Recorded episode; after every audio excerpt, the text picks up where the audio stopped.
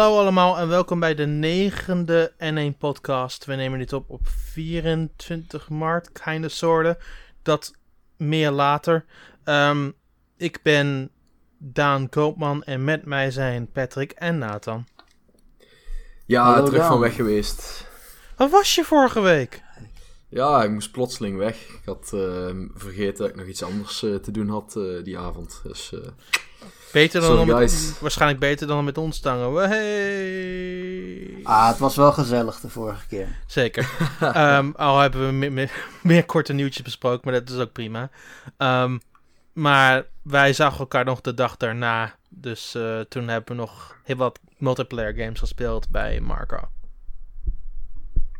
dat klopt ja. Dat was wel lachen. Ja, dat was heel leuk. Ehm, Dat was wel fijn dat jij eh Switch bij had waar gewoon maar één Switch game niet op stond. Ja, dat was wel eh, nice. we, hadden- we konden zo'n beetje zo'n multiplayer game spelen die we wouden. Hebben we niet snipperclips gespeeld? Daar verbaas ik me nog een klein beetje over dat we dat niet hadden gedaan. Maar voor ik de... moet toch zeggen dat ik uh, Poyo Poyo Tetris eh, vond ik wel echt de vetste multiplayer game die we gespeeld hebben. Het is een hele vette game. Ehm, ik kan ook niet wachten tot de Engelse versie uit is. Maar het was wel gaaf om hem nieuw te spelen op mijn Japanse account. Dus dan eh, hebben we goed. Wat hebben we er echt een uur aan besteed om al die multiplayer modi te- door te gaan lopen. Dat was wel gezellig op zich. Ja, Nice. zeker. Het was, eh, is echt een aanrader. Ik, vond, eh, ik was echt eh, aangenaam verrast eh, door die game. Ik vond Poyo Poyo, dat vond ik een beetje eh, lastig. Maar ja, Tetris, dat blijft toch wel een, eh, een eh, tijdloze klassieker Sure, sure. wat dat betreft.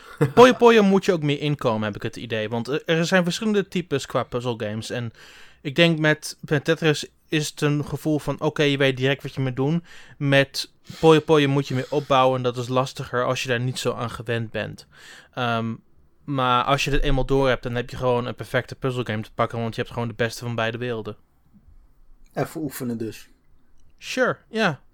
Ja, Daan eh, versloeg ons in ieder geval. eh, Teun was ook ontzettend goed hoor. Teun was heeft- verbaas- verbazingwekkend goed.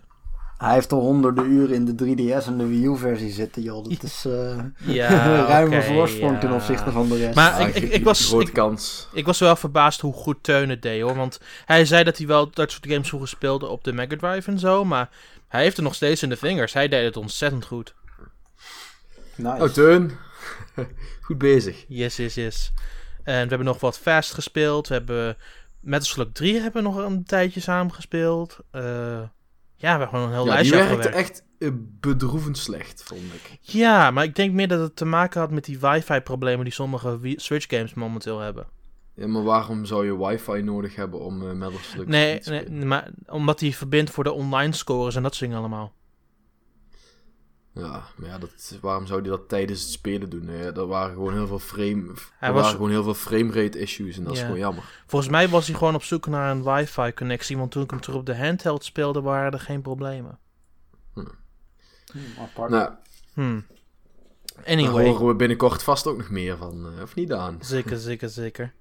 Ehm, ja, we hebben gewoon een heel lijstje afgegaan. Dat was best gezellig. Ik heb een hele leuke dag gehad. We waren geëindigd met One to Switch, wat wel de beste game was om op te eindigen, vond ik. Vooral met, Zeker. met de zeker. belachelijke dingen die we hebben gedaan. We hebben gewoon team battles gespeeld en het was hilarisch.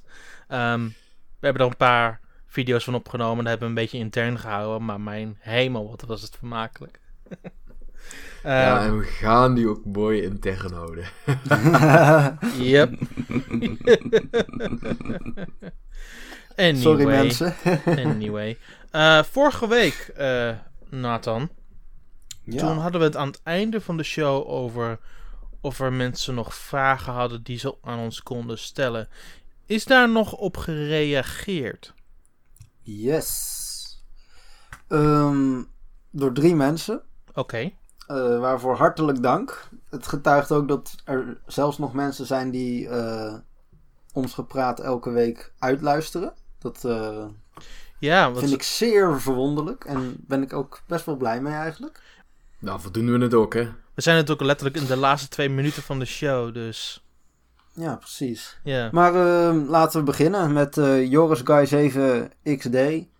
Ehm, die heeft eigenlijk twee vraagjes. Oké. De eerste vraag was: Heeft iemand van jullie eh, Overwatch gespeeld? Ja, zeker. absoluut. Meerdere uren. Wat vinden jullie ervan? Eh, Overwatch is een kleurrijke shooter die ik in hetzelfde context wil plaatsen als andere Blizzard games. Want wanneer je eenmaal begint kun je niet meer stoppen. En dat had ik voor de eerste drie maanden toen die, die game speelde. Uh, toen heb ik het ietsjes laten liggen, want toen werd ik een heel stuk drukker met dingen die ik nog moest doen. Uh, maar aan het begin van dit jaar ben ik weer teruggegaan, heb ik weer alle nieuwe personages geleerd, heb ik wel heel wat loot verzameld. Um, en probeer ik zo goed en zo kwaad mogelijk um, dingen vrij te spelen. En dat is niet altijd gemakkelijk, vooral wegens dat unlock systeem wat Overwatch heeft. Maar de gameplay zelf voelt elke ronde nog fantastisch. Nice. Patrick?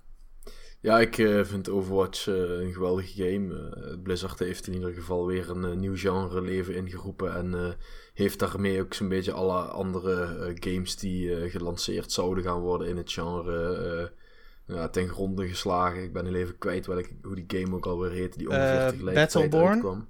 Ja, ja, dat, ja, ja, die game heeft die is gewoon kansloos gefaald omdat Overwatch zo'n succes is geworden. Ja, dat Yeah. Had ik van tevoren kunnen voorspellen, maar uh, want ja, Blizzard uh, doet nou helemaal dingen gewoon altijd goed. Uh, zeker de laatste jaren. Ja, dus, het, het, is puur, het is puur zonde voor 2K dat Battleborn het zo slecht heeft gedaan. Want zo slecht was die game ook helemaal niet. Um, nee. maar, maar, maar tegenwoordig kun je hem echt iets voor 5 euro kopen bij de Game Mania. Ja, ja, zonde. Maar ja, goed. Uh, ik heb, toevallig heb ik laatst ook ergens iets voorbij gekomen dat, uh, dat uh, Blizzard zegt dat het vrij uitdagend zou zijn om Overwatch naar de Switch te brengen. Maar uh, nou, laat ze maar proberen. Ik uh, zou er wel open voor staan in ieder geval. Ze, ze, ze, hebben, ze hebben zeker gezegd dat ze het nooit, niet nooit zullen uitsluiten, maar dat ze het moeilijk vinden. Want ze, want ze hebben zoiets nog nooit eerder gedaan. Vooral met wat voor een platform de Switch is. Maar ik denk dat het wel nuttig is om dat eruit te gaan zoeken. Ik denk dat ze daar ook wel mee bezig zijn. Man. Ik uh, verwacht het om heel eerlijk te zijn ook wel. Want uh, dat is toch, uh, ja, voor Blizzard uh, is het toch weer een nieuwe markt die ze kunnen aanboren. Dus ja. Ja, het is alleen wel multiplayer, dus je hebt wel een redelijk grote installbase nodig. Ik kan me niet en, eens meer herinneren de laatste keer dat het Blizzard een game op een Nintendo-platform heeft uitgebracht. Was dat niet StarCraft 64? Ik heb echt Volgens mij is er daarna nog wel in de Lost Vikings of zo uitgekomen. Of niet? Lost Vikings was toch een Super Nintendo game? Ja, maar is er nou niet nog een vervolg? Ja, nou, dat weet ik niet. Maar in ieder geval al lang geleden. Dat, uh, dat, dat, is in ieder geval heel duidelijk. Het is sowieso al heel lang geleden dat ze überhaupt uh, op console veel gedaan hebben. Ja, Diablo natuurlijk. Maar, uh... Ja, Diablo was in eerste instantie ook een PC-game. In principe richt Blizzard zich in de basis altijd op PC. Ja. Dit, voor, voor hun was dit ook de meest succesvol console launch. Zo ook al hebben ze er maar 5, 6 gedaan. Het was nog steeds hun meest populaire. Dus um, ja. ze zijn nu op een goede weg en hopelijk blijven ze daar ook. Zeker. Ja, nou, ik heb Overwatch niet gespeeld. Ik had destijds uh, wel de hardware ervoor, maar ik heb het niet gedaan. Ik had andere dingen te spelen. Dus uh, ik heb wel genoeg van de hype meegekregen, maar uh, ik heb het nooit gekocht. Misschien moet ik het toch maar een keer doen. Nou, misschien op de Switch-versie wachten als die ooit komt. ik heb meteen de, op dag 1 de Origins Edition gehaald. Dus de hele grote doosversie. Ja, daar heb ik nog over zitten twijfelen. Maar uiteindelijk heb ik het toch nooit gedaan. Dus. Uh... Ha, ja, ik kan me voorstellen. Misschien toch maar een keer doen. Maar goed. Um, dat was dus zijn eerste vraag. En zijn tweede vraag was of iemand ooit uh, van ons de anime JoJo's Bizarre Adventure gezien heeft. Uh, ja, ik heb het een klein beetje gekeken. Ik vond het leuk, maar ik moet er nog een beetje terug inkomen, want te veel heb ik er ook nog niet van gezien. Nee, ik heb echt belachelijk veel anime gezien, maar uh, die staat niet op mijn lijstje om te kijken en gaat er ook niet op komen, want ik vind het er niet interessant uitzien, om heel eerlijk te zijn. Nee? Nee. Hmm. Het lijkt, me, het, lijkt me wel zoiets dat jij wel zou interesseren, Patrick. Dat, vind ik, dat verbaast mij nogal. Ja, ik vind het wel een beetje... Ja, maar ik, ik heb nog heel veel te kijken. Ik heb nog een hele lijst uh, met, uh, ik denk een stuk of uh, eh, 50 anime's of zo, die ik nog graag een keertje zou willen kijken. En hmm. nou ja, die, die heb ik in ieder geval allemaal boven deze anime gezet. Dus wellicht de 51ste. ja, ik, ik, wat ik doe is zorg dat een serie voorbij is en dan kijk ik de hele serie gedurende een maand. Ah ja. Ja, dat, dat, dat moet ik dus niet doen, want ik heb uh, nou toevallig van de week ook weer een keer een serie uh, opgepakt uh, die al af was. Maar ja, dan kijk ik gewoon in twee dagen tijd twaalf afleveringen, dus dat... Ja, zo, zo, ja. zo door, kort door de bocht wil ik daar ook weer niet, want ik wil gewoon dagelijks erover na kunnen denken en dan weer terugkomen. Dat heb ik ook met episodische games. Ik wacht tot het seizoen voorbij is. Iets wat ik heb gedaan met Life is Strange toen dat op een collectie uitkwam. Um, oh, ja. En toen heb ik dagelijks een aflevering gedaan. Ja. Nee, ik uh, kan, uh, als het een goede anime is, of maakt niet uit, goede serie, anime, goede game, dan wil ik het gewoon zo snel mogelijk uh, tot het einde Oh ja, ik, ik, ik, ik, kan me, ik, kan me die, ik kan me die instelling ook best voorstellen. Maar als het op mij persoonlijk aankomt, dan doe ik het liever die manier. Ja. Maar, dus uh, JoJo's Bizarre Adventure. Ja, ja, nou ja, ik uh, bedankt voor de tip, uh, Joris Guy 7XD. Maar ik laat hem even links liggen. Ik het zal is wel zo'n zo'n typische jaren 90 shonen manga slash anime. ik zal dus, ik zal, misschien ja, ga ik, misschien overweeg ik het wel voor april. Ik heb nog niet besloten wat ik kijk voor april. Ah, dus man, misschien in april komen er zoveel vette anime's aan. Dat is echt niet normaal. ja, My Hero Academia ik, seizoen 2, uh, Attack on Titan seizoen 2. Uh, Oh, absoluut. Maar dat is niet hoe ik series kijk. Ik kijk series als ze voorbij zijn. Dus voor mij is dan dat een moment waar ik op een moment misschien zou denken van... ik heb wel eens in een JoJo's Bizarre Adventure. Ja, ja precies. Nou, kan altijd. Ja, ja dat is een andere manier van kijken. Ja, prima. Ja. Ik zelf uh, heb het ooit een beetje gepoogd, maar daarna uh, ja, is het op een dwaalspoor geraakt. Gewoon een keer terugkomen. Want op, op zich vind ik het wel, uh, zeker jij uh, Patrick, voor, ik vind het echt zo'n anime voor, voor mensen zoals jij. Jij hield ook heel erg van Dragon Ball. Misschien is dat een beetje jeugdsentiment, maar... Uh... Oh nee, Dragon Ball Super volg ik op dit moment ook gewoon nog. nou, ik denk dat jij die dan Jojo ook wel leuk zou vinden, maar goed. Ja, ik, zoals ik zeg, hou mijn, mijn achterhoofd alleen. Uh, mijn lijst met anime die ik graag wil kijken, die is ja, vrij uitgebreid. En uh, ja, met de opkomende april, uh, dan uh, ben ik in ieder geval weer van plan om een stuk of 5, 6 anime's weer op te pakken. Dus yes. ik moet zeggen, nou deze week de laatste 500ste en laatste aflevering van Naruto Shippuden. En over twee weken begint Boruto. Dus mm -hmm. die, dat, dat, is ook een vervolg. En er eindigen deze week volgens mij nog drie andere anime die ik volg. Dus nou, kan ik in april weer aan de slag met wat nieuw, hè? Fair enough. Yes, zo werkt dat. Ik, ik ben aan na te denken. De laatste keer dat ik een anime-serie per aflevering heb gekeken toen ze uitkwamen, was waarschijnlijk ReZero op dit moment. Want oh ik, ja, want, ik, jij vond de manga zo goed. Ja, ik vond de manga zo goed. Dus ik wist al een klein beetje wat er gebeurde. Dus ik wilde meer de veranderingen zien. Dus dat keek ik gewoon wekelijks. Eh, ah, ik, ik zei net dat ik een eh, serie deze week gekeken had... die ik in één keer afgekeken heb. Nou, dat was die serie. Echt een aanrader, Rizero. Super vet. super gaaf. Daarvoor was het... Uh, daarna was het Kill la Kill. Dus laat wel zien de ruimtes die ertussen zitten... als ik een serie per se, per aflevering direct wil kijken. Um, ja, en, dat is, en, dat, en dat gebeurt niet zo, zo heel erg vaak voor mij. Um, met games ook niet zo. Ik kan me ook niet meer in de laatste keer dat ik een game episodisch heb gespeeld op een manier zoals het bedoeld was. Maar er zijn ook vrij weinig episodische games. Uh, Hitman kwam uh, vorig jaar uit, die was episodisch. Ja, nee. Ja, ja nee, tuurlijk. Maar... Oh ja, Hitman die heb ik per episode gespeeld. Tuurlijk. Ja. Daar heb je het al. Nou ja. Nee, maar sure. Square Enix heeft het inderdaad gedaan met uh, Life is Strange met Hitman. En uh, verder, ja, Telltale natuurlijk. Telltale heb ik niks meer mee zo. Ik vind Telltale meer teleurstellend dan goed. Ja, maar er zijn zeg maar niet zo superveel episodische games. De meeste games die komen gewoon in één keer uit of hebben nog zeg maar post-release updates. Hey, Gelukkig, hey, vooral zo houden. Hey, ik kan niet wachten tot Final Fantasy 7 afleveringen uitkomt. ja, die hadden ze gewoon in één keer helemaal uit moeten brengen. In 2020 komt die game. okay. Ze willen er gewoon weer... Dat is gewoon uitmelken heet dat. Dat is gewoon extra veel geld verdienen aan die game. Tja, ja. We gaan het zien. dat was een leuke discussie. Waar zijn nog andere vragen? Yes. Um, nou, Joris Guy 7XD die dacht dat die eh, off-topic was. Maar Duncan was echt off-topic. Oké, Die vroeg- oké. Die vroeg, kunnen jullie de volgende podcast dronken doen? Nou Duncan, ik eh, ben nog niet dronken, maar ik heb hier een eh, flesje eh, Scotch whisky, de Balvenie Caribbean Cask finish. Dus echt aanrader, 14 jaar oud. Ik ga hem even opmaken. En eh, nou ja, goed, dan eh, gaan we gewoon eventjes een lekker scheurtje ingieten. En eh, nou ja, hey eh, Duncan, proost. ik eh, ga er in ieder geval wel van genieten. En wat, wat, is, wat is jouw antwoord op die vraag, Nathan?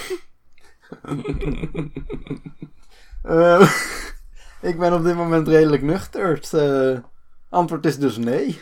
Gelukkig, gelukkig. Ehm, ik mag alleen maar drinken als ik niet op medicijnen ben. En dat ben ik momenteel.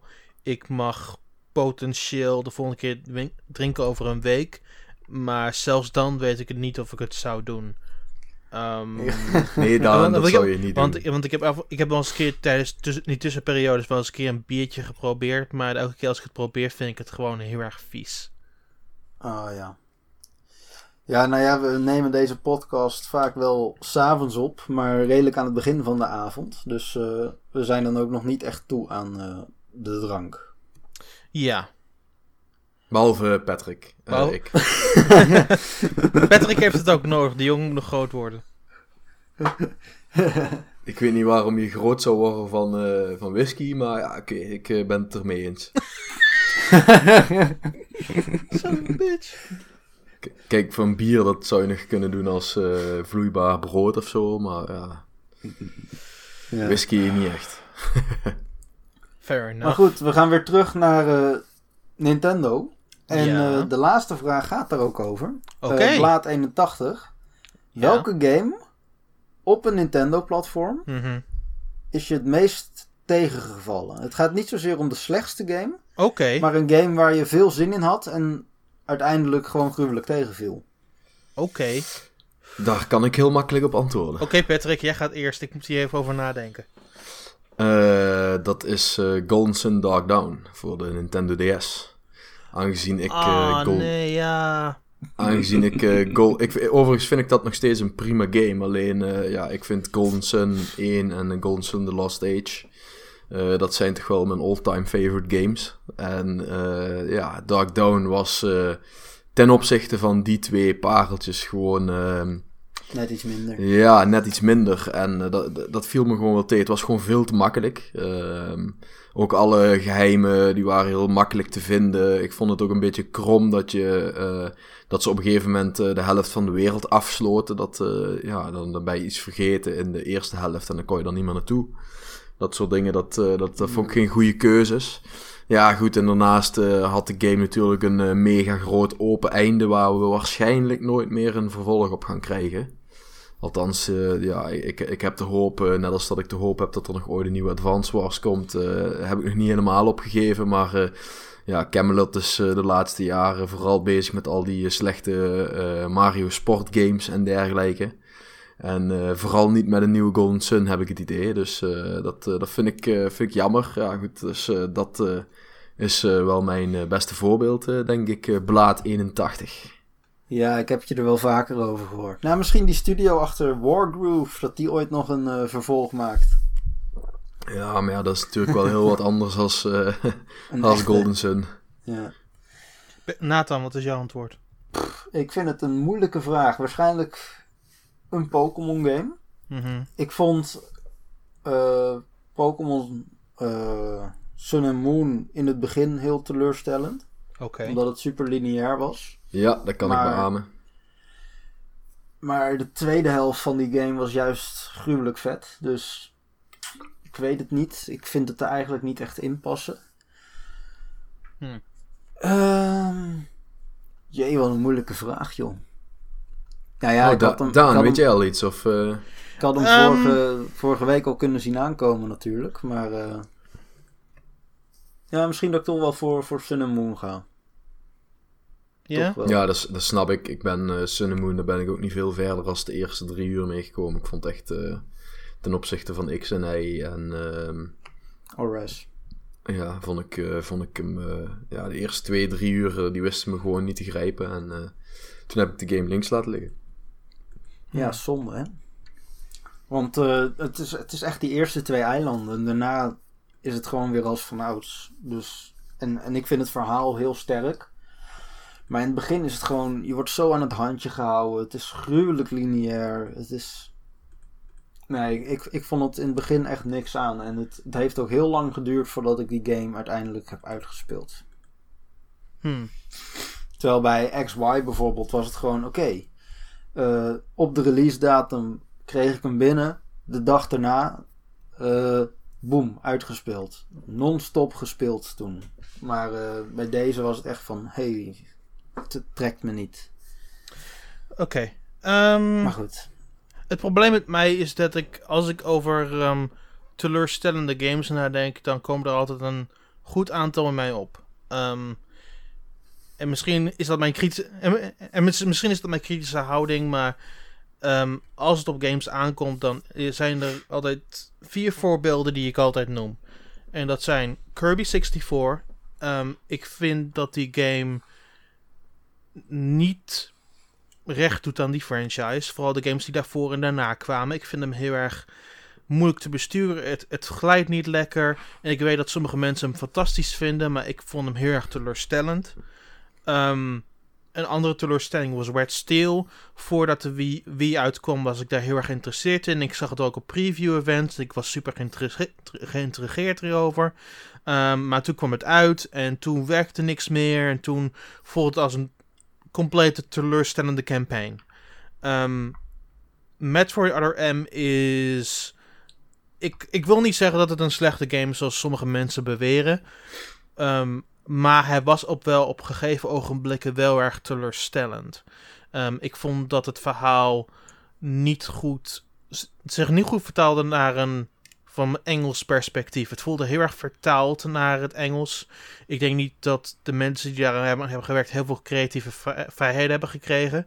En het resultaat voelde gewoon niet zo heel erg prettig om doorheen te komen. Het voelde nogal irriterend op mijn zintuigen. Vooral als je met Adam in aanraking kwam. Um, en de laatste voorbeeld, en dit is meer zoiets van, ja, waarom niet? Um, Mario en Sonic had de platform crossover van de generatie kunnen worden. Dat was oorspronkelijk ook het idee. Wat is het eigenlijk uiteindelijk geworden? Een sportsgame franchise. Op de Olympische Spelen. Ja. Yay. dus dat zijn wel de typische uh. voorbeelden die ik zou geven. Wat, dan de, de, wat ik dan als nummer 1 zou bestempelen van die, van die vier maakt eigenlijk niet zo heel veel uit. Want um, het zijn wel ervaringen die je constant meeneemt te blijven hangen. En die ervaringen die kom, kom je af en toe wel een keer tegen. Als ik een ervaring had met Mario Tennis Ultra Smash. Um, die een paar jaar geleden uitkwam. Ik had meer de hoop dat ze veel meer hadden laten, laten zien. En uiteindelijk hadden ze niks meer om te laten zien, want dat was de complete game. Want ze hadden maar één stadion en een paar verschillende modi en dat is het wel. Um, dus oh, dat was een teleurstelling. Teleur, de, teleurstelling komt meer van de verwachting dat Nintendo het beter kan doen. En dat laten ze soms helemaal niet zien. En ze gaan soms puur de mist in met ideeën waar ik denk van, daar zit heel veel potentie in. Um, wat mensen ook mogen denken van Codename Steam. Ik vond dat daar een idee zat met heel veel potentie. Alleen het probleem was met de intelligence systems. Ze hadden niet. Ze durfden niet het risico aan om hun bestaande strategy base te laten vergaren. Um, die heel geïntegreerd waren in Advance Wars en Fire Emblem. Maar tegelijkertijd probeerden ze ze proberen gewoon heel iets, iets nieuws. En ik denk dat met meer tijd in de over dat het een goede game had kunnen zijn. Maar dat is het totaal niet. Het voelt gewoon een klein beetje teleurstellend. En ik vind het nog steeds een leuke game. Ik heb het volgens mij iets van een 7 of een 7,5 gegeven. Maar dat blijft niet bij dat ik over sommige punten heel erg ontsteld was. En ik denk dat het gewoon meer hadden over kunnen nadenken. Um, en het is met zulke ideeën of, of een andere game van Dash is Paper Mario Sticker Star. Ik, ik was super, super hyped voor die game. En ik, toen je nog de preview las op N1, na de preview was ik super geïnteresseerd in die game. En toen waren we bij de review. En toen, toen had ik iets van: wat is dit? Ja, Ja, goed. Het is... eh, het kan natuurlijk niet altijd eh, het beste van het beste zijn. Maar ja, goed, als je bepaalde verwachtingen hebt, eh, ja, dan eh, kan het altijd teleurstellend uitkomen natuurlijk. En ja, Paper Mario Sticker Star is daar wel een goed voorbeeld van. Ik vind vooral... Nou ja, goed, ik vind... eh, eh, in, eh, om antwoord te geven op de vraag van Blaad 81 vind ik bijvoorbeeld dan die Mario Tennis game vind ik daar geen goed voorbeeld van. Want daar waren... Daar waren de verwachtingen al niet zo heel hoog voor. Dus... want ja, die hadden ze al flink getemperd met, met de demo en daarbij aangegeven dat dat de game is. Dus, nou, eh, ze hadden, ja, dat- ze hadden toen dat, niet eh, gezegd dat het een game was. Ze hebben ons eigenlijk gewoon verleid door eerst ons een leuke game te laten zien. Een paar, en pas twee weken voordat die game uitkwam, kregen wij de recensiecodes binnen. En toen zagen we pas wat voor een game het was. En dat vond Ja, ik ja, nog steeds het zwakste wat Nintendo de afgelopen drie, vier jaar heeft laten zien. ah, die game was echt zo slecht. Nou ja, het was wel vermakelijk, maar er zat zo weinig content in. Het was zo weinig. Nee, ik vond het helemaal niet vermakelijk. Daarom Nee. gaf ik hem ook een 3,5. Ah, jawel, ik vond het, eh, ik vond het eh, voor een paar potjes vond ik het best wel leuk, maar, maar dat was het ook. Ik vond er niks leuks aan die game. ga dan gewoon lekker Mario Power Tennis op de Gamecube spelen. Heck yeah, Dat, is, dat is tenminste een echte game. absoluut. Gewoon geen Sowieso- Mario sportgames. Nou, Nou, er, zit- vind er het- zijn wel een paar goede Mario Sport games, maar ik zou... Toen we het een paar, paar afleveringen geleden hadden, we bijvoorbeeld over Mario Golf World Tour. Dat vind ik een van de beste 3DS games. Ehm, maar de games die ze daarna hebben, hebben laten zien, waar waren gewoon niet goed. En ik denk dat ze daar een beetje naar terug moeten. Ze moeten maar gewoon op fatsoenlijke Mario games focussen en niet op eh, sportgames. Nou, maar, maar, dat doet, maar dat doet Nintendo intern ook niet bij AED Tokyo. Dus daar kun, je- kun je ook niet over klagen. Nou, ze Mooi. proberen er nou allemaal echt een soort van sportsimulaties van te maken, maar dan met Mario. Dat Terwijl werkt bij niet. de- dat werkt Terwijl niet. bij de, bij de Gamecube eh, waren het allemaal hè, gekkigheden die je ze eraan toevoegden. Zoals bij eh, Mario Strikers bijvoorbeeld. Ja. En dat is nog steeds een van de leukste voetbalgames die er zijn. Absoluut, ja. dat, dat, vind, dat vind ik echt wel een hele goede vraag. Dus eh bedankt daarvoor, Plaat. Yes. Zeker, zeker. Dan gaan we nou nog heel even kort door eh, naar, het, eh, naar het nieuws. En dan eh, gaan we ons voorbereiden op de Testfire. Want, nou ja, jij wilde de limited edition van eh, Shadows of Valentia bespreken. En Jij- ik ook. Dus dat Jij komt ook, het komt goed uit, ja. En, en het, bela- het belangrijkste nieuws, Europa krijgt opnieuw de betere Special Edition. hey! Jee voor Amiibo. Hey, screw you Amerika. Ja, Nou, ik heb ik- pre-order staan. Wij, hebben, wij, krijgen, wij krijgen alles wat in het Amerikaanse pakket zit, maar ook nog eens een keer bij de Amiibo in hetzelfde pakket. Wauw, hey. Wauw. Ja. Maar ik, Maar- ik vind het... De box van eh, ons heeft wel weer dat vervelende lipje.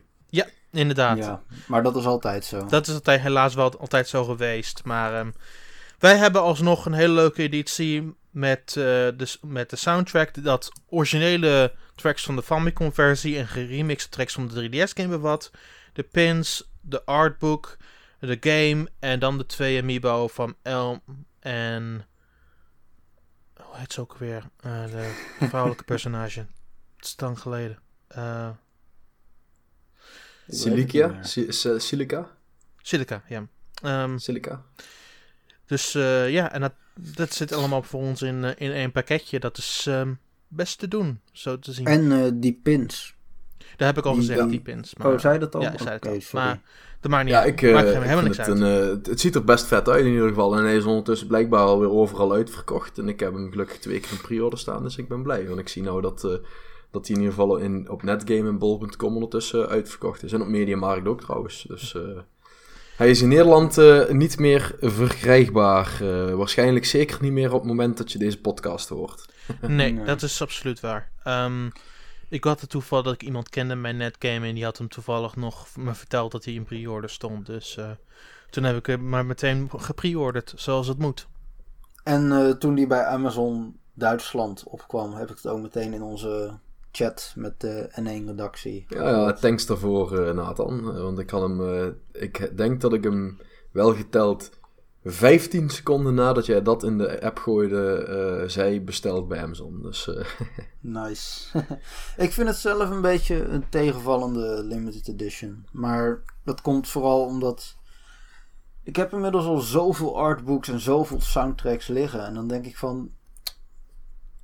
maak nou eens een keer een, een, een limited edition met echt gewoon unieke items. Kijk bijvoorbeeld naar de limited Wat- editions van Danganronpa games. Die hebben altijd wel ja, gekke dingen. maar hier is, Of, hier is eh, het ding. Nintendo moet dit gewoon op een grotere scale produceren dan ze bij NIS America doen.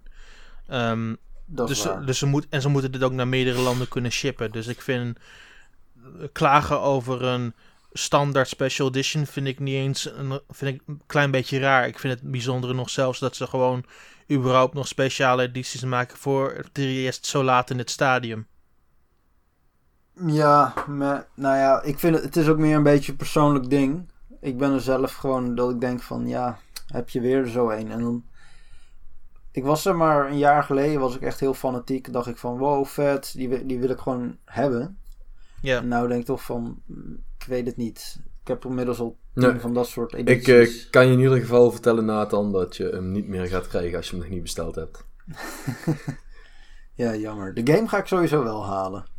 Oh, wacht, ik heb, ik heb hem nog ik heb hem twee keer in pre-order staan. Dus als je wil, dan eh, kun je hem altijd één keer van mij Oh. overnemen. ik ga er nog over nadenken. Dat is goed.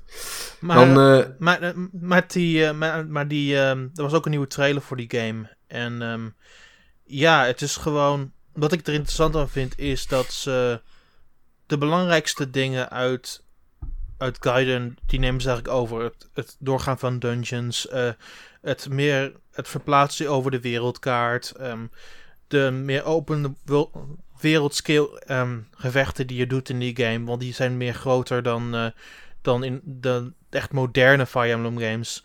En daar ben ik best wel geïntrigeerd over hoe goed ze dat vertalen naar een 3DS game nu.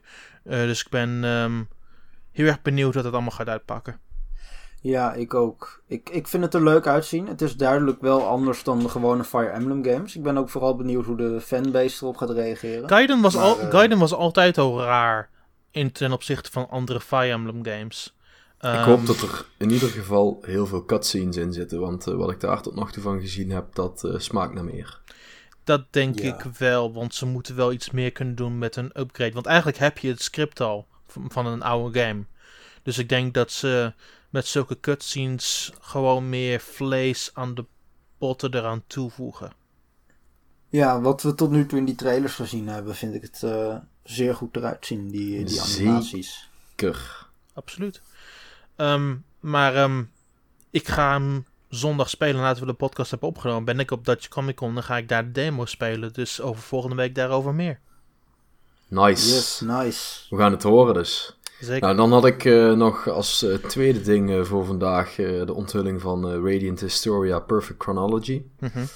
Yes, Ehm, ook voor de ja, 3DS. goed, ik, eh, ik heb eh, die game natuurlijk op de DS gespeeld eh, voorheen. Ik ben er niet helemaal doorheen gekomen. Ehm, ja, ik kwam er ook pas redelijk laat bij uit bij die game. Eh, dus eh, vandaar dat ik hem niet helemaal uitgespeeld heb. En ik ben wel blij dat ik daar nu in ieder geval alsnog de kans eh, voor ga krijgen. Hopelijk, want ja, hij is natuurlijk nog niet voor Europa aangekondigd. Nee, Sure. hij is alleen in Japan eh, voorlopig. Ehm, Ah, Ik zelf heb uiteindelijk de, drie, de originele game nooit gekocht. Volgens mij. Dus. Ja, maar op zich... ik, eh, ik hoop is- op zich wel dat ze hem nog eh, gaan, gaan uitbrengen hier. Het is natuurlijk wel een 3DS game. Dus de vraag is hoe lang het gaat duren allemaal. En of ze het dan nog de moeite waard vinden.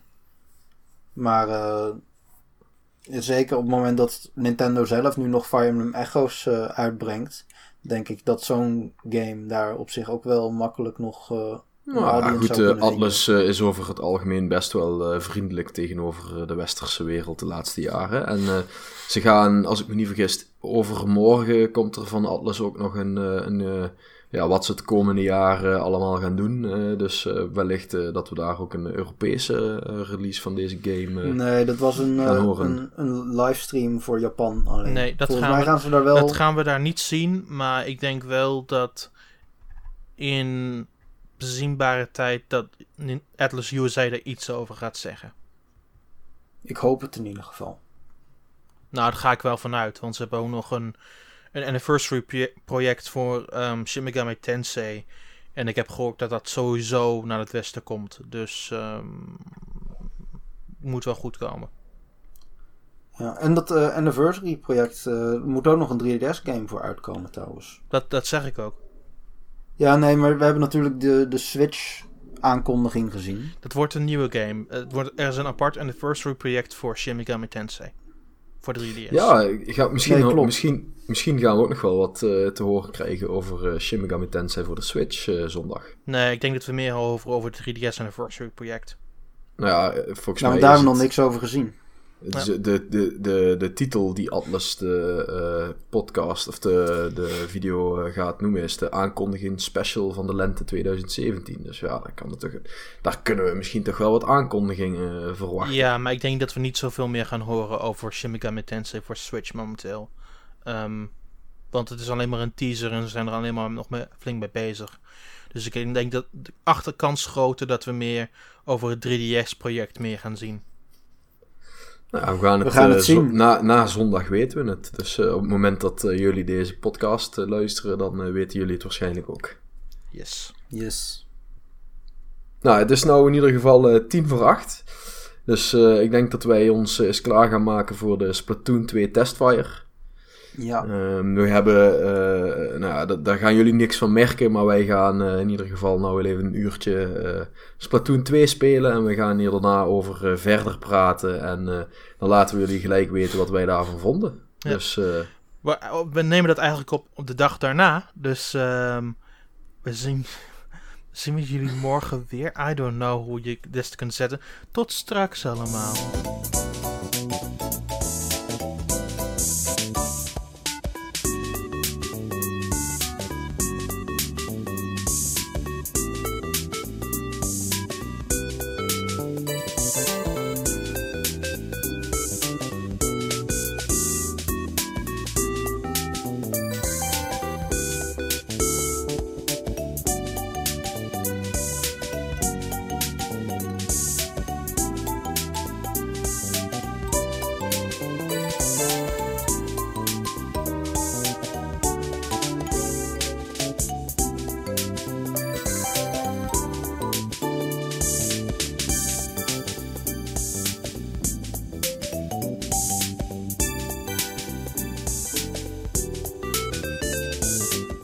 Zijn weer terug.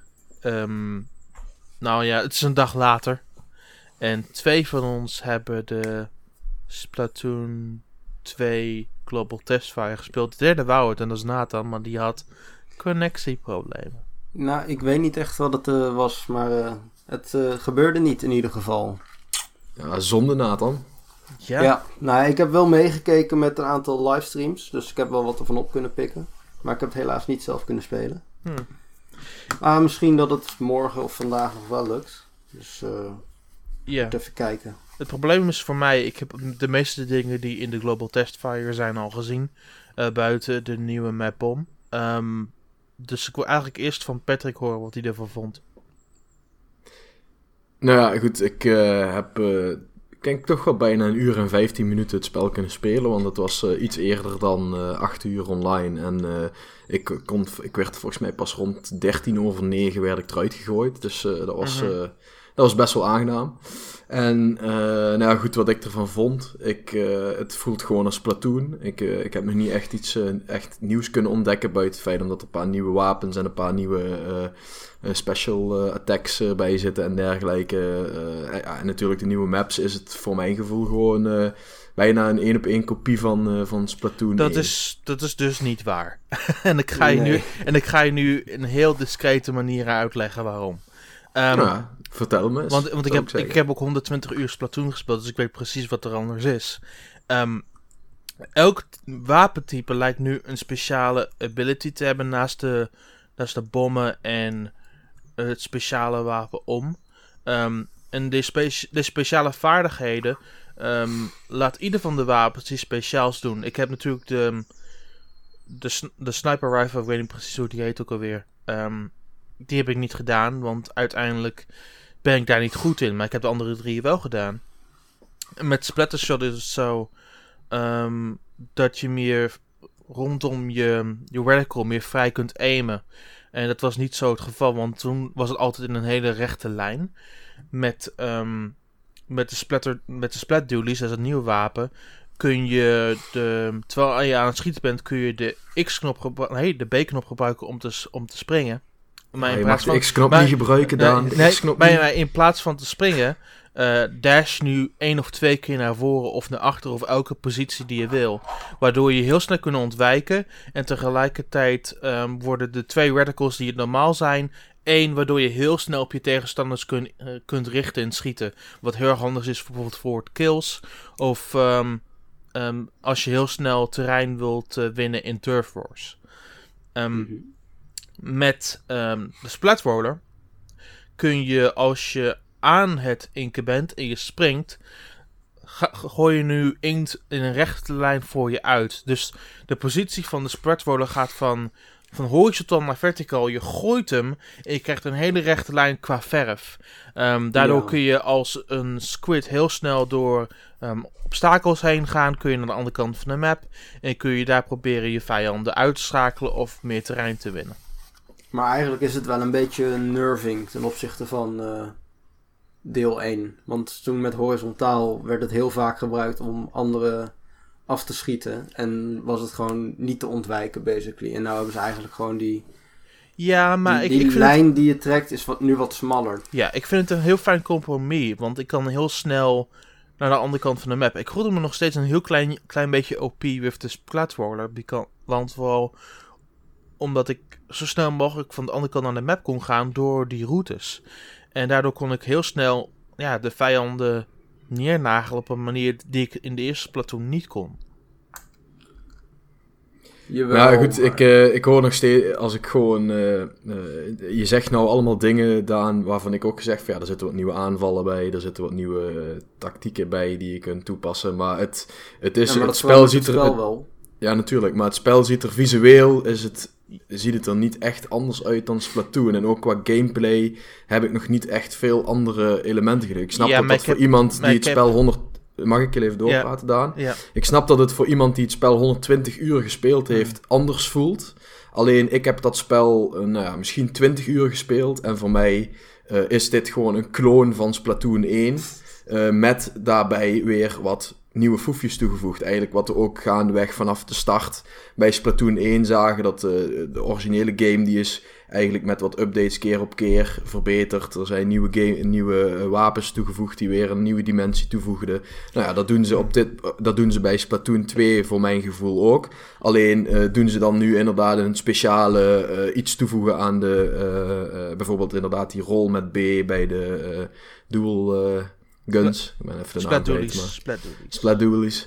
En uh, nou ja, goed, dat is weer een nieuw element. Maar ja, goed, voor de rest... Maar goed, dat is toch prima voor een vervolg. Ja, ja, nee, goed, ik, eh, ik zeg ook niet dat dat slecht is. Maar... Ik, vind dat, ik vind dat voor mijn, in mijn ervaring, want ik heb natuurlijk belachelijk veel Splatoon 1 gespeeld. Ik vind dat mijn ervaring belachelijk veel veranderd. Want ik moest het wel opnieuw gaan leren, waardoor het, speelveld weer um, neutraal werd. Het werd weer gewoon nieuw. Want ik moest mij aanpassen richting die speciale aanvallen. Voor met splat duties is dat nogal heel erg wennen. Um, want je bent heel erg gewend om gewoon simpelweg in een squid te veranderen en te gaan ontwijken. Terwijl dat nu meer directer voelt. En met de directie die je moet nemen, moet je meer rustig aan doen en gewoon heel tactisch nadenken. Wat ik wel heel erg fijn vind. Okay. Ja, zo ziet het er voor mij ook uit. Wat ik uh, gezien heb tenminste. Ja, voor mij verandert het de game op een manier die ik niet had verwacht. Ik had ook wel verwacht dat ik het niet zo boeiend zou vinden. Maar uiteindelijk moet je um, eigenlijk best wel veel gebruik maken van de dash. Je moet precies weten wat je aan het doen bent. En als je niet constant de kaart bekijkt, constant herinnert waar je bent, um, wordt het een hele tricky situatie om de splat duties onder de knie te krijgen. En ik vind dat nu momenteel het meest, de meest interessante uitdaging om gewoon al die elementen van de splat duties goed onder de knie te krijgen. Want naast dat je dash is het ook natuurlijk dat die twee reticles één worden, waardoor de, de dynamiek van het schieten heel erg verandert. En ik vind daardoor ook die nieuwe wapens een hele sterke toevoeging. Ja, zeker. Dat, uh, dat, dat, hoor je mij ook niet zeggen, maar uh, goed. Ik, Waar heb jij vooral mee gespeeld, uh, Patrick? Nee, ik heb ze allemaal gespeeld, maar ik ben net als daar niet zo goed met snipers. Dus ik heb het vooral met de andere drie geprobeerd. -huh. um, wat ik verder merkte, ik had met de Splat Roller had ik echt te veel lag. Ik reed vaak genoeg over mensen heen en dan gingen ze niet dood. En dan moest ik er nog een keer overheen en nog een keer overheen en nog een keer overheen. En toen gingen ze de vierde keer pas dood. Ja, goed, dat, uh, dat was wel een beetje frustrerend. Dus ook die heb ik niet al te lang gespeeld. En ja, dat, dat was eigenlijk ook wel een klein beetje mijn ervaring met het uh, totaal. Ik heb er een aantal matches bij gehad uh, waar het gewoon echt goed bij werkte. Waar ik helemaal geen last had van lijk. En nou, toch het overgrote deel... Ja, dan staat ineens een vijand die net voor je staat, staat ineens achter je. Dat soort dingen, dat heb ik iets te vaak meegemaakt, naar mijn gevoel. Maar goed, daarvoor is het natuurlijk ook een testfire. Dus dat, uh, dat, ja, uh, sure. dat kun je natuurlijk niet aanrekenen. Maar gewoon uh, de, de momenten dat het goed werkte, ja, we speelden het gewoon als Platoon 1. En daar was ik ook razend enthousiast over. Dus dat is eigenlijk niet, niet anders dan, dan dat het al was. En um, ja, goed. Ik, waar ik, ik kwam er pas later achter dat je in de select screen de, in de opties kon, waardoor je de, hoe heet het, de motion control kon uitzetten, want dat vond ik echt helemaal verschrikkelijk. Dus, uh, ja, dat is even dat, wennen. Dat was, uh, ja, ik was eigenlijk net gewend aan de motion control en toen, uh, ja, toen kwam ik er dus achter dat ik die toch wel kon uitzetten. Nou, dat heb ik toen ook maar gelijk gedaan, want ik word er helemaal niet bij van. Maar goed, toen moest ik dus weer opnieuw wennen. Dus ja, voor, voor mij, zich, voor mij ik kan simpelweg niet zonder motion control, want ik ben er te gewend aan. Dus dat wordt wel heel erg moeilijk om dan over te stappen naar een systeem waar dat niet in zit. Dus ik, um, ik zou daar nooit aan kunnen wennen. Want ik heb, ik vind, ik, ik heb ik te vind veel... motion controls, in ieder geval in Splatoon 1 vond ik dat juist uh, een beetje de kracht van het spel. Want vaak zie je bij die console shooters dat je dan met je camera zeg maar moet bewegen en op die Sure. manier probeert te mikken. En dat gaat nooit helemaal perfect. Mhm. En op het moment dat je die motion controls gewoon onder de knie hebt, dan kun je zo dodelijk zijn. Ja, ze hebben, wat me wel verbaast is dat ze de sensitiviteit iets te hoog hadden staan als een standaard. Kon je dat niet aanpassen? Het kon je aanpassen in diezelfde, op, in diezelfde options, maar ik verbaasde me daar wel een heel klein beetje over. Um, want origineel stand, startte je standaard op een iets lager niveau met hoe de motion controls waren ingesteld. Dus ik was daar een klein beetje verbaasd over. Maar um, voor de rest raakte ik er wel heel snel weer gewend aan, zoals, als het origineel. Als je, als je te veel van het origineel hebt gespeeld, dan raak je er ook wel heel snel weer gewend aan hoor. Um, maar um, ja, ik vond de besturing gewoon helemaal prima. Ik moest wel wennen aan het feit dat, zoals we een klein beetje al eerder aangaven, dat um, de X-knop niet meer springen is, want dat is nu de kaart. Ja. Um, ja. Ik, de eerste paar matches had ik wel het idee dat ik te vaak op de X-knop heb gedrukt. Omdat dat simpelweg mij geleerd is in andere Nintendo games. Ja, ja dat probleem dat uh, had ik inderdaad ook. maar, Toch wel, na 20 uur. Ja. Ja, nee, ja, goed. Uh, ja. ja. Maar het, het, het, het, er zijn zoveel andere Nintendo games die dat doen, dus dan raak je er te veel gewend aan. Um, maar... Ja, ik vond het ook wel een beetje een rare keuze inderdaad. Ik want... vraag me af of je dat niet gewoon kunt swappen met een optie of zo. Dat lijkt me gewoon handig, weet je wel? Ja, precies. Dat er een button mapping uh, optie is gewoon. Ja, dat zou ik op zich wel fijner vinden. Who knows? Who knows? Wat vinden jullie van de nieuwe specials? Want ik heb Oeh, een paar dingen die, voorbij uh, zien komen. Ik vind die heel geweldig. Ik vind het... Um, um, ik vind de, de jetpack bij de Splatoon, die vind ik eigenlijk nog steeds de beste. Um, ja. Waar je gewoon kaart in de lucht gaat en probeert iedereen neer te knallen. Je bent niet compleet um, uit de gevarenzone. Want als um, op je gegeven moment iets lager gaat, kun je nog steeds gesplet worden door je tegenstander.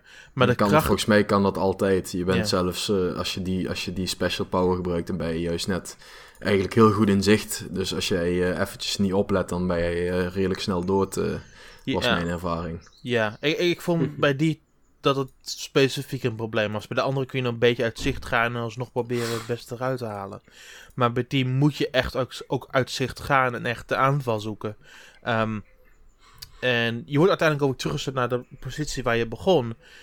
Maar je moet oh, nog dat steeds... is ook wel een zwaktepunt. Ja, maar je moet... Ik vind het niet eens een, slag, een zwaktepunt. Want dat betekent dat je gewoon Eh, je kunt herpositioneren en proberen eh, de tegenstander weer te overrompelen op een andere manier. Maar ja, maar levert ehm, dat ook niet heel veel campen op? Nee, want, je, want, want, je, want je moet eerst heel veel uh, painten voordat je überhaupt access hebt tot speciale wapens.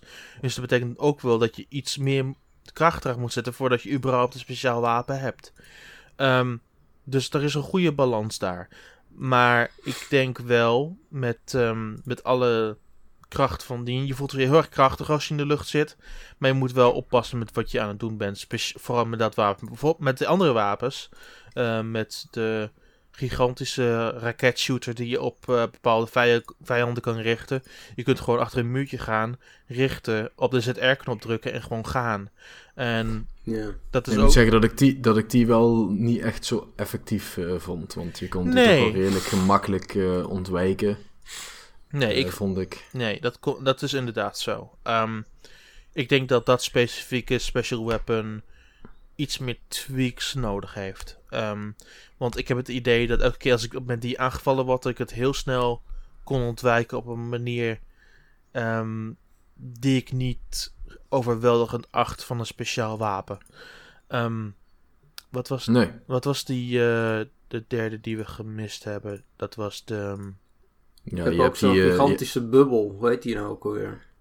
Oh ja, de, de, de, de die slam bubble als je, ja. als je de splat roller hebt, ja. Die is ook heel erg effectief, moet ik zeggen, trouwens. Ja, die ehm, was wel, uh, die vond ik wel eigenlijk wel redelijk uh, uh, overpowered uh, op dit moment. Want als je dat inderdaad uh, op het goede punt gebruikt, dus niet te ontwijken. Je wordt volgens mij ook heel eventjes tijdelijk dat je niet geraakt kunt worden. Dus als je yeah. bijna gesplet wordt dan, en je hebt die toevallig up, dan kun je hem gebruiken. En ja, je wint eigenlijk gewoon altijd van je tegenstander als je maar dichtbij genoeg staat. Mhm. Dus ik vond dat wel, uh, dat, dat, gaf wel uh, af en toe wat leuke momenten. Een paar keer een double kill uh, meegehaald. Ja, dat zijn wel leuke dingen. Zeker, dat heb ik ook nog een paar keer je gehad. Je moet volgens mij wel gewoon hem goed weten te gebruiken. Oh, absoluut, absoluut. Um, op een nou, van de momenten... Ik, ik, op ik moet dan zeggen dat, het, oh. dat dat wel de makkelijkste gebruiken special is. Want het is in principe zo, je bent al met Spatroller, ben je al uh, in de buurt van de tegenstander meestal. En je drukt gewoon oh, ja. R, je drukt gewoon op R en bam, en het gebeurt. Terwijl je die andere ja. drie, daar moet je ook nog een beetje meer richten. Dan moet je ook nog een klein beetje... Uh, ja. Dus die van de Splatroller, die was uh, in combinatie met de Splatroller wel heel erg effectief, vond ik. Ja, want een, tijdens een van de rondes, rondes um, was ik dicht bij de onderkant van een, um, van een afgrond. Um, dus ik uh, deed die aanval. En wat deed die andere persoon? Die besloot van... Oké, okay, screw this. Ik ga hem gewoon laten vallen, zodat jij de kill niet krijgt. uh, dat vond ik wel grappig. Um, er waren wel uh, genoeg grappige momenten op, met die speciale wapens waar ik wel, waar ik wel op in kan. Um, niemand van ons heeft echt een sniper geprobeerd. Um, dat, maar dat heeft ook een speciaal wapen waar je dan met een hele flinke straal, een soort van inkt laser, iedereen omver kan blazen. Um, ik heb het zelf niet geprobeerd, dus ik kan eigenlijk niet echt weten hoe ja, effectief ik, het is. Ik, ik heb hem wel één keer uh, geprobeerd, maar ik had niet echt uh, direct door hoe die, uh, hoe die werkte. Okay. Dus ik was ook redelijk dat, snel dood. Dat was in de eerste Splatoon ook al zoiets van, oké, je hebt de snipers. Ja. En die zijn heel goed met waar ze mee bezig zijn. Maar bijna iedereen die, uh, zeg maar, die het gewoon een keer probeert, dat, dat, uh, ja, die kan er niet mee overweg, zeg maar. Dat, dat moet je echt gegeven zijn, volgens mij. En opnieuw, ik, ik heb wel 120 uur Splatoon zitten, maar ik denk dat ik überhaupt maar 30 minuten snipers heb gespeeld. Ja, ik heb ook uh, ongeveer zoiets gespeeld aan Splatoon. En ik, ik heb die, die sniper een paar keer geprobeerd. En het is gewoon het, is, gewoon niet mijn speelstijl. En met een roller kan ik nog wel overweg of zo. Of een slosher. Maar, uh... maar het is ook geen echte sniper. Dat, is, dat vond ik een beetje het probleem bij, uh, bij de Splatoon sniper. Je kunt niet van... Uh, snipers zijn juist net in de, in de normale shooter juist net vet. Omdat je van grote afstand mensen door de kop kunt schieten. En ja, dat is, bij Splatoon is dat gewoon niet zo'n ding. En uh, je bent, uh, zeker als je turf war of zo speelt, ja, dan is het uiteindelijk veel belangrijker dat je zoveel mogelijk uh, turf wint. En ja, dat ga je niet doen met een sniper. Ja, maar ik, ik denk nee, wel dat, dat, er een, dat, er een, dat er een plaats en een plek is voor een sniper om zoveel mogelijk kills te vergaren, zodat ze niet zoveel kunnen turfen in, in dat gebied. Ja, maar toch is de afstand die je haalt met een sniper, vind ik, beperkt. Ik vind ja, het, eh, het, voor- het het, voordeel wat je qua afstand hebt ten opzichte van een, eh, een, eh, een gewone mitrailleur eh, bij Splatoon, de splattershot, hoe heet dat ding ook weer. Die is niet zo bijzonder groot. Kijk, als jij, als jij een beetje snel bent, dan, ja, dan, dan moet jij gewoon zo'n sniper op zich prima uit kunnen schakelen. En ja, dat, ik, ik vind snipers vind ik een beetje underpowered bij Splatoon. Nou, ik denk dat het vooral aan Turf Wars ligt. In Turf Wars zijn ze misschien niet heel handig, maar bij Ranked Mode eh, waar ben ik echt, heb ik echt zo gigantisch veel last gehad van die dingen. Het is Ja, dat, is, dat, frustrerend. ik, dat kan ik niet ontkennen, maar tegelijkertijd heb ik wel zoiets van... ehm, er zijn genoeg andere opties waar ik me meer zeker bij voel dan een sniper rifle. Ja, ik zelf om te spelen ook, maar ik bedoel, er zijn genoeg mensen, zeker in Ranked, die hebben dan inderdaad zo'n positie waar je ze moeilijk te, eh, kan, kan pakken. En waar zij redelijk veel range hebben. Mhm. En ja, dat is gewoon dodelijk. Zeker op het moment dat het niet om de turf gaat, Toen, eh, maar hè, Ja, toen, bij, bij tower control of eh, splat zones of dat Mm. soort. eh, toen, modus. toen wij ehm, custom teams deden tegen andere teams, met een, ik en een paar vrienden, zijn we ook een paar keer echt een team met alleen maar van die snipers tegengekomen. Dat was irritant, joh. Zo vervelend en onder. Oh, zo gemeen. Oh. ja, nee, ik ken het gevoel. Dus ik, ik vind het wel leuk dat ze er zijn, zeg maar. Het, het geeft wel wat, wat extra dynamiek. Maar Sure. het, het is echt een heel moeilijk wapen. Het ligt je of het ligt je niet. Ja. Ehm, wat vonden we van de twee stages, Patrick? Ja, gewoon vermakelijk. Ik, eh, ja, ik, ik vind eigenlijk al die eh, stages ook van Splatoon 1 vind ik gewoon leuk eh, vormgegeven. Niet, niet heel speciaal verder. Hmm. Ja, goed, ik, ik blijf erbij dat, dat je altijd, met, bij Turf War heb je altijd het eerste deel vanaf jouw basis. Dat is vaak voor de tegenstander vrij moeilijk eh, om, om te komen. Dus je hebt altijd een groot deel van de map die in principe altijd eh, de ene kleur is. En een ander deel wat Dat altijd de andere ehm, kleur is. Dat vond ik bij deze maps dan weer niet zo. Ehm, Ja. Want de ruimte die je hebt alleen maar puur voor jezelf is helemaal beperkt. Niet zo in de Reef. Ik vind dat het bovenste stuk in de Reef kun je alleen maar komen als je echt van dat team bent. Maar met de andere map, ik vergeet even de naam. Ehm, Ja, de zo- gym. Eh, de gym. Hm. Ehm, daar kun je echt best wel heel dicht bij, je, bij de tegenstanders base komen. Eigenlijk belachelijk dichtbij. Ehm, als je de juiste route weet, je gaat ehm, naar de overkant van een brug. Je gaat dan rechtsaf, gaat op de andere brug. Gaat dan er linksomheen, dan kom je helemaal bovenaan. En dan kun je eigenlijk vrij spel hebben, want iedereen gaat toch direct naar beneden. Of gaat een een tegenstanders join, hun vrienden joinen op de map. Dus ik had heel snel vrij spel om gewoon al dat te kunnen peten rondom mijn base heen. Wat wel, ehm, wat wel prettig voelde. Maar zodra mensen die map onder de, onder de knie beginnen te krijgen, zullen ze dat ook wel heel, veel sneller door gaan hebben. Ehm, dus ik vind, vond die map een heel stuk diverser dan de Reef. Ik vind de Reef een goed basis, een beetje zoals Urchin Underpass en de originele Splatoon. Ehm, Ja. Waar je gewoon dingen op een goede manier kunt leren. Maar ik vond ehm, dat de gym meer op een hardcore manier nou, keek naar maps zoals de Moray Towers en wat andere more, wat latere maps in, in Splatoon die Ja, na de lancering uitkwamen. ja Hm. daar ziet het wel een beetje naar uit. Ik, ik, vind het, ik vind het ook wel fijn dat er zoveel... eh, ik vind het wel goed map design, zeg maar. Er is veel hoogteverschil, dus het is voor iedereen... eh, noem je dat? Lastig om, om zeg maar, echt goed een, een overhand te krijgen. Sure. Ehm, zoals je zegt, veel gemeenschappelijk gebied, zeg maar, waar iedereen kan komen. Ja. Ik, eh, nee, ik heb niets, niets te klagen van wat ik zo zie in ieder geval. Op de, Ze geven je heel veel map. ruimte op die map, heb ik het idee. Je kunt meer vrijer bewegen, wat ik wel heel erg fijn vond. In de originele paar maps in de originele Splatoon had je dat niet zo, want je hebt nog steeds een afgebakend terrein. Eh, er was er één, dat was de Blackberry Skatepark. En dat vond ik ook meteen een van de beste maps toen destijds. En ik voel dat deze meer direct die kant op gaat, wat ik wel een heel fijn gegeven vind. Ja, ben ik het mee eens. Ja, goed, ze hebben natuurlijk ook die ervaring eh, met Splatoon 1 opgedaan. Dus eh, ze weten nu beter wat, eh, wat mensen willen, verwacht ik. Sure, ja, zeker. Ja, Heb je Nee, verder nee. nog de, de leuke gimmick eh, gevonden die in het wachtscherm zat, eh, Daan? Yes. Eh, dat, je, dat je helemaal pitch of geluidjes kan toevoegen aan achtergrondmuziek. Dat was heel erg cool. Ja, ja, je kon als je aan de, aan de dingen ge- draaide, dan eh, kon je inderdaad ook nog eh, scratchen en alles. Aan de Wel, linkerstick kon je de pitch veranderen. De rechterstick was, was scratchen. Eh, De D-pad waren eh, gewoon... Volgens mij was het andersom. Nee, de D-pad... Nee, dat was toch echt zo. De, de, ik heb het zelf ook geprobeerd laatst nog. Ehm, de, met de D-pad eh, krijg je mm, bepaalde in, gewoon squid geluiden, maar met de, de A, B, X en Y-knop krijg je gewoon dingen die je ook gewoon in het standaard nummer zou tegenkomen.